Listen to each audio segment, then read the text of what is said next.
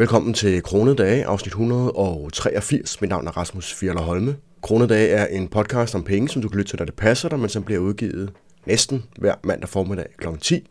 Kronedage handler som sagt om penge, det vil sige budgetlægning, investering, opsparing i hverdagen og alt, hvad der er relevant for, at vi kan opnå så høj økonomisk frihed som muligt på så kort tid som muligt. Podcasten bliver holdt i gang af lyttere som dig, der lytter med, og det kan du blandt andet gøre ved for eksempel at hjælpe mig samtidig med, at du hjælper et barn, som du holder af, enten det er dit eget barn, eller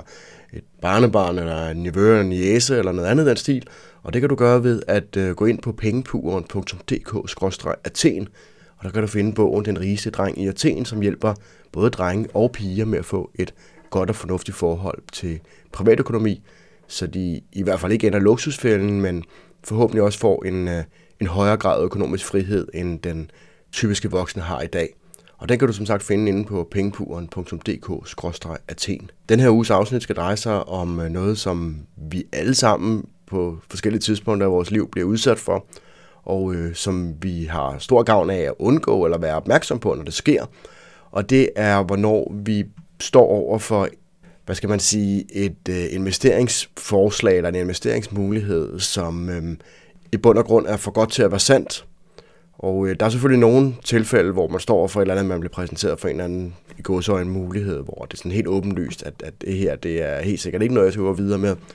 Men der er også mange gange, hvor at vi måske har nogle investeringsmuligheder, som vi tænker, hvor grådigheden, kan man sige, jeg er ikke særlig vild med det begreb, men hvor grådigheden tager lidt over, og vi bliver fristet til lidt at fortælle os selv, at denne her investering, vi står over for, øh, i virkeligheden er en helt fantastisk mulighed, en once-in-a-lifetime mulighed, som helt klart skal gribes. Og det er jo ikke fordi, at vi ikke nogle gange rent faktisk står over for sådan nogle once-in-a-lifetime muligheder, hvor at det er noget, som netop skal benyttes, hvor man endelig har en chance for at score kassen på kort tid med få øh, midler eller lave risiko. Men i langt de fleste tilfælde, når man står over for sådan en situation, jamen så er det er for godt til at være sandt. Men hvordan skældner vi mellem en god mulighed, en reel god mulighed, som bør gribes, og så overfor en, øh, en umiddelbar god mulighed, som ved nærmere eftertanke viser sig måske ikke at være det, du bør investere dine penge eller din tid i. Det er det, vi skal tale om i det her afsnit, men inden vi gør det, så giver det måske god mening lige at komme med nogle eksempler på, hvad der, for, hvad der har fået mange andre mennesker til at hoppe med på et eller andet, som virkede rigtig godt, men viste sig at være for godt til at være sandt. De fleste af os har nok hørt ordet Ponzi-scheme, eller Ponzi-svindel, eller Ponzi et eller andet. Der et kært barn har mange navne, som man siger. Og det stammer fra en øh, fyr, som hed Charles Ponzi, var det vist. Ja, Charles Ponzi, tilbage i 20'erne, 1920'erne, hvor at øh, han lovede øh, investorer, at hvis de var villige til at øh, kaste nogle penge efter ham, jamen så ville de få 50% afkast inden for 45 dage, eller 100% afkast, hvis de kunne vente 90 dage. Og det ville han gøre, sagde han, ved at han havde fundet en rigtig smart metode til at udnytte nogle internationale prisforskelle i sådan noget internationale, hvad hedder sådan noget, postkuponer. Men det han så i virkeligheden gjorde med pengene, det var, at han brugte de nyeste investeringer, der var kommet til at betale penge tilbage til tidligere investorer. Så hvis du var en af hans første investorer, en af dem, der hurtigst hoppede på hans øh, scheme, jamen så ville du formentlig få et afkast, hvis du ellers trak pengene ud, så snart du fik dem. Men det fik du så kun fordi, at han havde fået naret nogen senere end dig til at investere, og så kunne han bruge nogle af pengene på at give dem til dig, og resten kunne han jo så stikke i egen lomme. Og det, det holder selvfølgelig ikke i længden. Jeg tror også, jeg lavede et afsnit om det på et tidspunkt, om netop Ponzis øh, svindel her. Øh, og det holder selvfølgelig ikke, fordi at på et eller andet tidspunkt, jamen så skylder han jo så mange penge væk, at han ikke har nogen mulighed for at øh, betale dem, og, og slet ikke med afkast og sådan nogle ting. Og øh, det betød så også, at han endte med at blive dømt og øh, sad i fængsel. Øh, jeg tror, han sad i fængsel i mange år, indtil han vist nok døde i fængsel eller efterfølgende. Det kan jeg faktisk ikke huske. Men øh, det gik ikke særlig godt for Charles Ponzi, og det, men det gik bestemt heller ikke godt for mange af investorerne, fordi på det tidspunkt, da han blev opdaget, jamen, så var pengene jo væk. Og, øh, og det, som lidt adskiller Ponzis scheme her fra det, der typisk er kaldt for et pyramide, hvad hedder sådan noget, pyramidespil, det er, at investorerne ikke var klar over, at pengene eller afkastet skulle komme fra efterfølgende investorer hvor man i et øh, klassisk pyramidespil er helt klar over, at det er det, der sker. Altså det vil sige, at der kommer nogen til dig og siger, hvis du investerer i et eller andet beløb, 100.000 kroner, jamen så får du pengene tilbage, når du skaffer nogle flere investorer. Og jo flere investorer du skaffer, jo flere penge får du. Og det var, så vidt jeg husker, faktisk øh, lovligt at gøre indtil en gang i 90'erne. Eller sådan. Jeg kan huske, man gjorde det ulovligt i Danmark med pyramidespil. Men indtil da var det egentlig ikke ulovligt, og det var jo fordi, det jo i bund og grund ikke var svindel at lave almindelige pyramidespil, fordi alle var klar over, hvad det var, der foregik. Du investerer nogle penge, og hvis du kan skaffe nogle flere investorer, jamen så får du dine penge tilbage plus et afkast. Men det, som Ponzi gjorde, det var jo så, at han bildte folk ind, at han havde en måde at tjene en masse penge på, og at de penge, du fik i afkast, jo kom fra det, og ikke fra andre investorer. Men øh, selvom Charles Ponzi var ham, der ligesom var ophavsmanden til begrebet Ponzi-scheme, ikke at han nok var den første, der gjorde det, men det er ligesom opkaldt efter ham, så var han langt fra den øh, største af dem. Den allerstørste Ponzi-schemer i, i hvert fald i nyere historie, i sådan historie, vi kender noget til, det var Bernie Madoff, som mange nok også har hørt om. Han var jo en, øh, en ret stor øh, herre inden for finansfeltet. Han var formand for Nasdaq, eller øh, direktør, eller hvad det hedder, for Nasdaq, og han havde en hel masse øh, flotte ting på sit CV, som gjorde, at ret mange mennesker havde tillid til ham. Og ikke bare i godsøjne almindelige mennesker, men også meget, meget rige mennesker, som havde råd til at investere rigtig, rigtig, rigtig store beløb. Og ligesom Ponzi, jamen, så lovede Madoff, at alle investorer ville kunne få et rigtig godt og positivt afkast. Men det, som jeg tror måske især tiltrak rigtig mange investorer, og rigtig mange af de her store professionelle investorer, det var, øh, at han også lovede, at han ville kunne give et konsekvent positivt afkast, hvor at de fleste jo, der investerer nogle penge, er opmærksom på, at det er bare sådan, at aktiemarkederne og de fleste andre markeder, de svinger, og nogle gange har man et urealiseret, potentielt urealiseret tab, og nogle gange så går det meget opad. Øh, men Madoff han lovede og viste også i en periode, at afkastet faktisk selv under ikke så gunstige markedsforhold stadigvæk ville kunne give et positivt afkast. Og det tiltrak jo rigtig mange mennesker. Og da de første investorer jo så begyndte at få deres penge tilbage, jamen så var der jo selvfølgelig endnu flere, som synes, at okay, han har jo vist, at han rent faktisk kan noget, og han har jo også øh, en, en masse på sit CV, som indikerer, at, at den her mand, han er lidt af et geni til synladende. Så hvorfor skulle vi ikke også investere? Der er jo også lidt fear of missing out, kan man sige, at hvis man så ikke investerede med ham, jamen så risikerede man jo at øh, gå glip af en kæmpe mulighed. Og samtidig så kunne Madoff også i godsøjen dokumentere, at han havde de her høje afkast, fordi at han viste falske dokumenter, som viste, at han var det her investeringsgeni. Men det, der reelt skete, var, at han faktisk overhovedet ikke havde investeret noget som helst. Jeg ved ikke, om noget af det var investeret, men, men generelt havde han overhovedet ikke investeret noget som helst. Og øh, en super intelligent, mm, tilsyneladende intelligent mand, så er det lidt mærkeligt, at han regnede med, at han ville kunne slippe afsted med det. Det skal jeg ikke kunne sige. Der er nok noget psykologi ind over det. Men selvfølgelig så var der jo et eller andet tidspunkt, hvor det ikke kunne holde længere. Øh, og, øh, og det kollapsede så i 2008, fordi han ikke kunne dække krav om at udbetale nogle penge. Og han blev jo dømt til 1.500 års fængsel i 2009, så han sidder der stadigvæk og hygger sig et eller andet sted. Et uh, tredje eksempel på en af de rigtig store svindelnumre, der er foregået gennem historien, det var Enron-skandalen, som jeg tror, færre af os ved, hvad egentlig drejer sig om, men måske bare har hørt om det på et tidspunkt, eller hørt navnet Enron-skandalen. Men Enron-skandalen er lidt et eksempel på noget, som nok i mindre grad ville kunne kaldes et Ponzi-scheme, og i højere grad simpelthen bare svindel. Og øh, det var, et, øh, det var selskabet Enron tilbage i 80'erne på et eller andet tidspunkt, som blev oprettet som en øh, naturgasvirksomhed, og øh, senere så begyndte de så at udvide til andre forretningsområder, som altid havde, eller næsten altid tror jeg, havde noget med energiproduktion og handel med energi og sådan forskellige energitjenester. Og, øh, og var et ret stort øh, børsnoteret energiselskab. Problemet var, at de på et eller andet tidspunkt i løbet af start 90'erne, tror jeg det var, begyndte at lave nogle ret øh, hvad skal vi kalde det på en pæn måde, tvivlsomme regnskabsmetoder, hvor de begyndte at skjule deres gæld, og de begyndte at oppuste værdien af deres aktiver.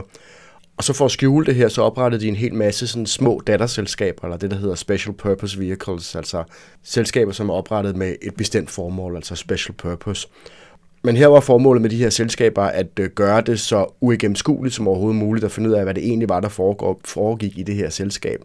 Og på den måde, så kunne de i hvert fald i en, en periode faktisk, i, i næsten 10 år tror jeg det var, der kunne de jo skjule noget af alt de gæld, de havde, og de ville kunne fjerne nogle forskellige ting fra, deres, fra, fra det overordnede, fra Enrons egen øh, regnskaber, så det ville se meget bedre ud, end det var i virkeligheden. Og det gjorde selvfølgelig en positiv forskel for aktiekursen, og, og dermed så svindede man jo investorerne.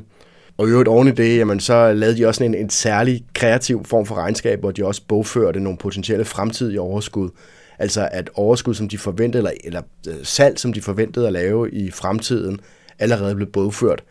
Øh, og det betød jo så, selvom at de måske faktisk ikke fik lavet de her salg, eller ikke fik lavet den her øh, omsætning, men så blev det stadigvæk rapporteret, som om det allerede var sket. Og det fik jo i endnu højere grad selskabet til at se ud som om, at det var en rigtig god investering. Og i 2000 og starten af 2000-tallet, 2001 eller 2 eller sådan noget, der var det så, at der var flere og flere, der begyndte at stille spørgsmål ved, om, om de her regnskaber nu rent faktisk også holdt. Øh, problemet var, at det tager noget tid at lave sådan nogle analyser, fordi at det var så øh, uigennemskueligt, hvad det var for et setup, de havde lavet.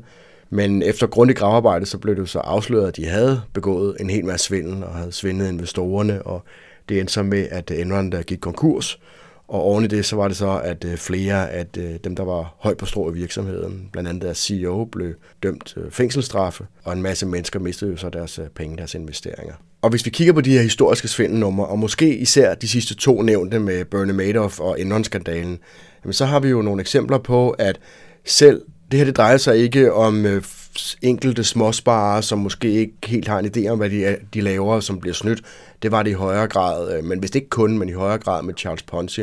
Her det drejede det sig om øh, meget store beløb, som var administreret af mennesker, som burde vide bedre, og som ville kunne gennemskue sådan nogle ting. Øh, og det synes jeg er interessant, fordi det viser, det, det viser en hel masse forskellige ting. Og måske en af de primære ting, som jeg synes, det viser, det er, at selvom folk har et øh, godt CV, og det ser ud som om, at de ved præcis, hvad de laver, og det kunne være i det her tilfælde investeringer, men det kunne også være alle mulige andre områder, så er dit CV ikke nødvendigvis tegn på, at du er super meget mere sofistikeret end andre mennesker, eller kan nogle ting, som nærmest for andre vil virke som, øh, som magi, eller som, som en eller anden form for ekspertise, som er fuldstændig uden for rammerne af, hvad andre mennesker kan. I hvert fald, hvis de her andre mennesker er bare nogenlunde begavet og er villige til at øh, bruge deres tid og energi på at lave deres egen baggrundsanalyser. At vi skal være forsigtige med bare at hoppe i med begge fødder, når en institution eller en enkelt person de er respekteret og ser ud som om, at de har en anden form for autoritet skal vi stadigvæk huske at tænke os øh, godt om. Dels fordi, at de måske ikke altid er så dygtige, som de giver udtryk for, men også fordi, at der er så mange ting her i tilværelsen, der er så kompliceret og har så mange forskellige faktorer og variabler ubekendte, at det er nærmest umuligt at, at gennemskue den. Hvis vi kigger på sådan noget som vævesigten, jamen så rammer de jo rigtigt nogle gange, men der er også rigtig mange gange, hvor de rammer helt ved siden af, og det hænger jo sammen med, at selvom man er uddannet meteorolog, og, og måske endda en rigtig dygtig meteorolog, jamen så er der bare så mange forskellige ubekendte, at det er umuligt at, at sige noget med sikkerhed. Og, og det gælder jo selvfølgelig også især, når det drejer sig om investeringer. Men ikke desto mindre, så er der også nogle ting, som man kan gøre, for måske ikke at, øh, at gennemskue alt, men i hvert fald vide, hvornår er der nogle røde flag, som vi skal undgå. Og det er derfor, jeg siger, at det er vigtigt, at vi hver især laver vores egen research, vores egen due diligence, i stedet for bare at forvente, at andre mennesker kan gøre det for os. En anden ting det er også, at, øh, at vi ser de her eksempler, der var ret tydeligt den her fear of missing out, især i forhold til øh, Charles Ponzi og, øh, og Bernie Madoff, men vel også i ret høj grad i forhold til Enron, at man investerer i et eller andet, fordi at man er bange for, at man ikke får det afkast, som alle de andre får. Og dermed handler overilet i stedet for lige at, at holde hovedet koldt og, og finde ud af, hvad der, der foregår. Øh, så er der også noget med confirmation bias, eller bekræftelsesbias, eller hvad det hedder på dansk, at når man som investor først har truffet en beslutning, som for eksempel at investere i Bernie Madoffs øh, scheme, jamen så kan man være tilbøjelig til at lede efter de svar, som understøtter øh, det, du gerne vil have, eller det, som ligesom skal matche med den beslutning, du allerede har truffet. Så hvis du allerede har givet Bernie Madoff nogle penge, jamen så kigger du efter alt det, der tyder på, at det er en fantastisk investering, som øh, kommer til at gøre dig øh, til multimillionær på ingen tid. Og, øh, og så er der også den her ting, øh, som de jo alle sammen har til fælles, og det er, at det er, de har ligesom skjult deres svindel bag kompleksitet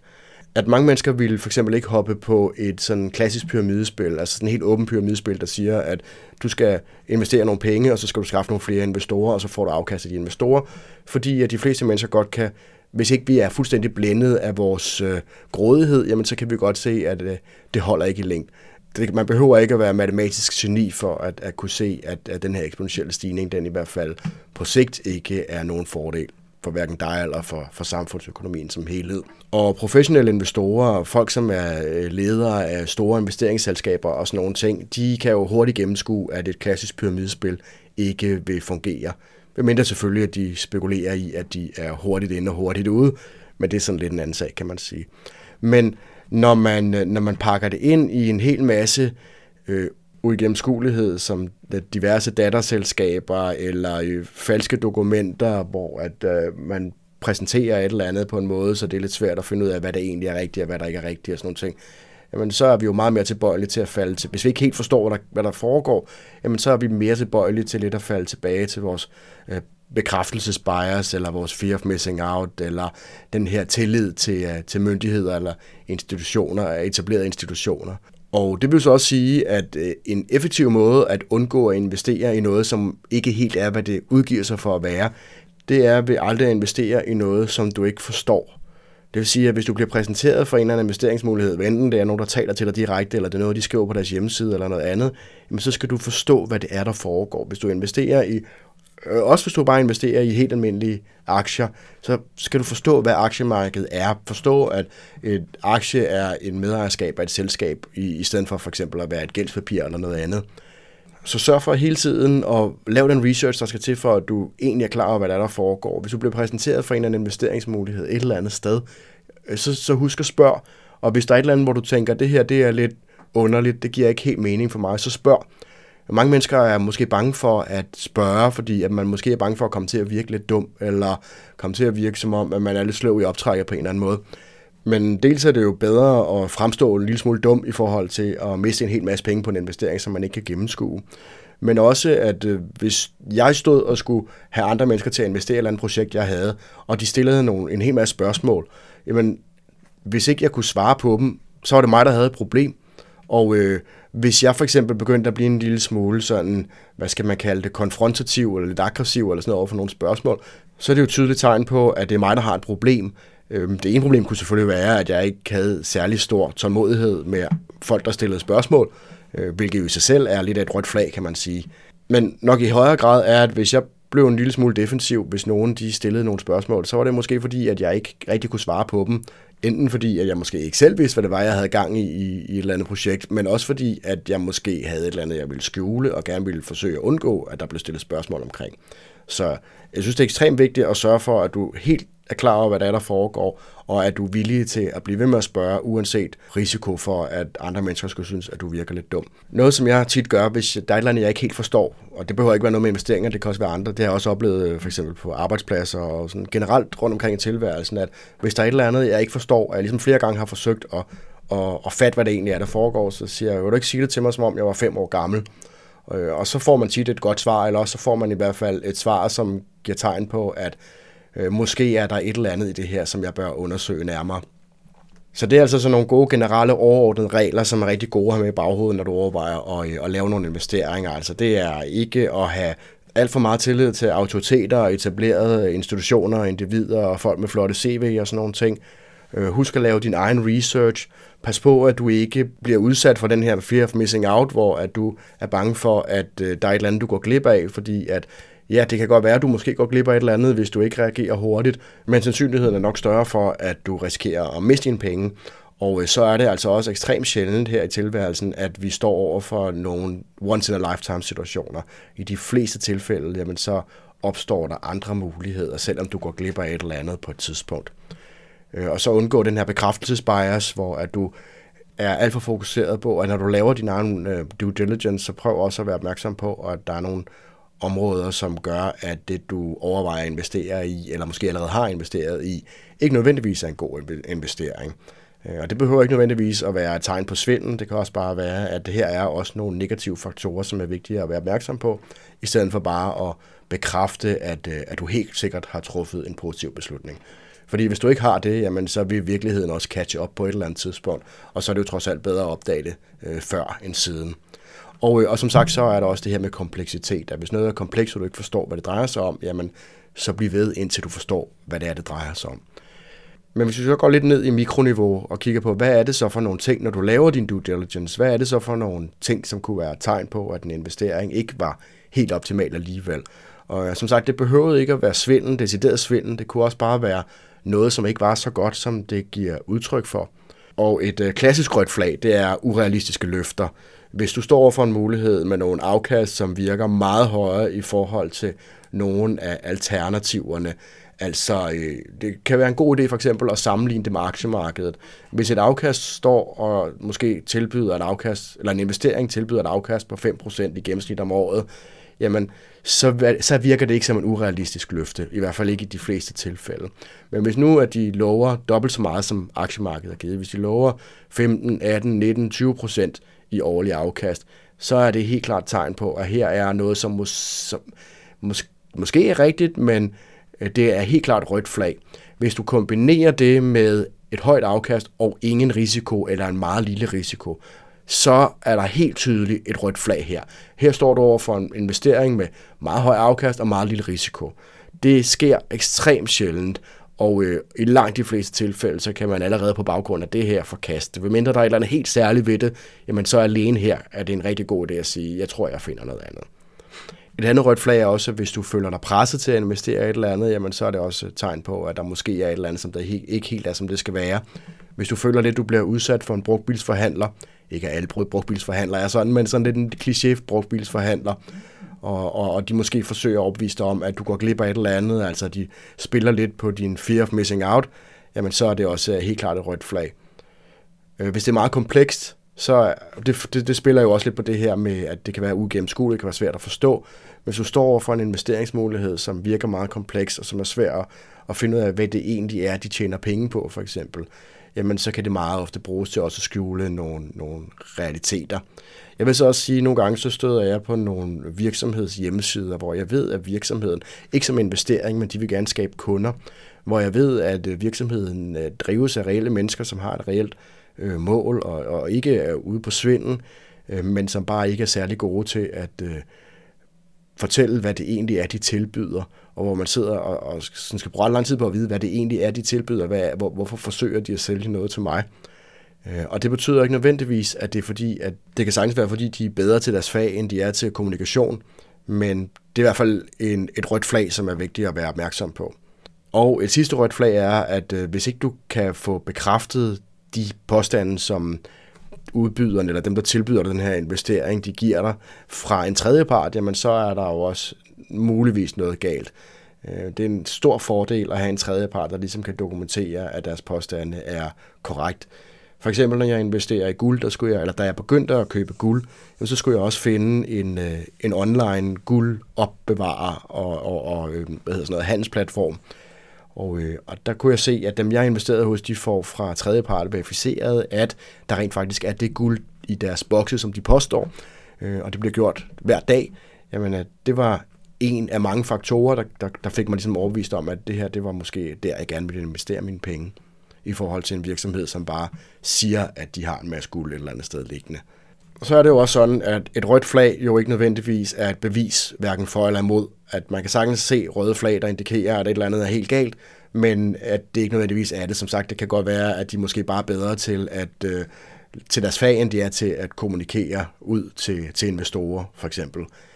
Øhm, men der mener jeg, at når du så ligesom har lavet din dybdegående research først, og du ligesom har stillet alle spørgsmålene, og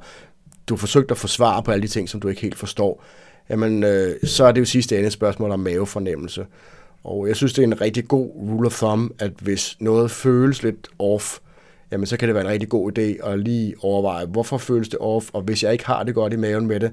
så skal jeg måske ikke gøre det. Og øh, så, så kan det godt være, at det måske i virkeligheden viser sig, at, øh, at det i virkeligheden var helt øh, legitimt, og at, øh, at andre investorer de tjener rigtig mange penge.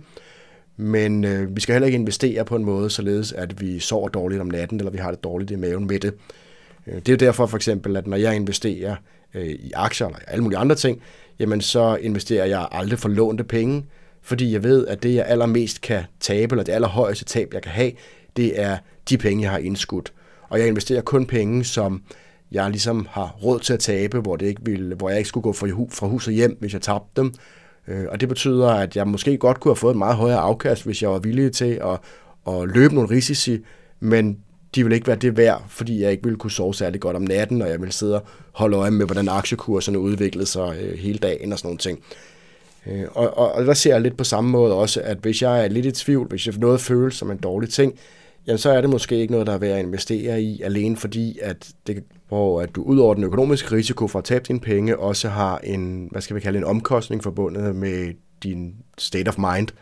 og, øh, og den er måske endnu værd, mere værd end de penge, som du investerer. Det var sådan set den her uges afsnit af Kronede Dage. Jeg håber, at øh, du kunne bruge det til noget. Og hvis du kan, hvis det måske endda har hjulpet dig med at øh, ikke investere i et eller andet, hvor du kommer til at tabe en masse penge, så øh, håber jeg, at du vil hjælpe mig med at holde podcasten kørende. Og det kan du gøre ved at gå ind på pengepuren.dk-athen, og øh, så hjælper du ikke bare mig, men du hjælper også øh, et barn, som du holder af. Ellers så er der bare at sige øh, tusind tak, fordi du lyttede med, og pas godt på dig selv derude.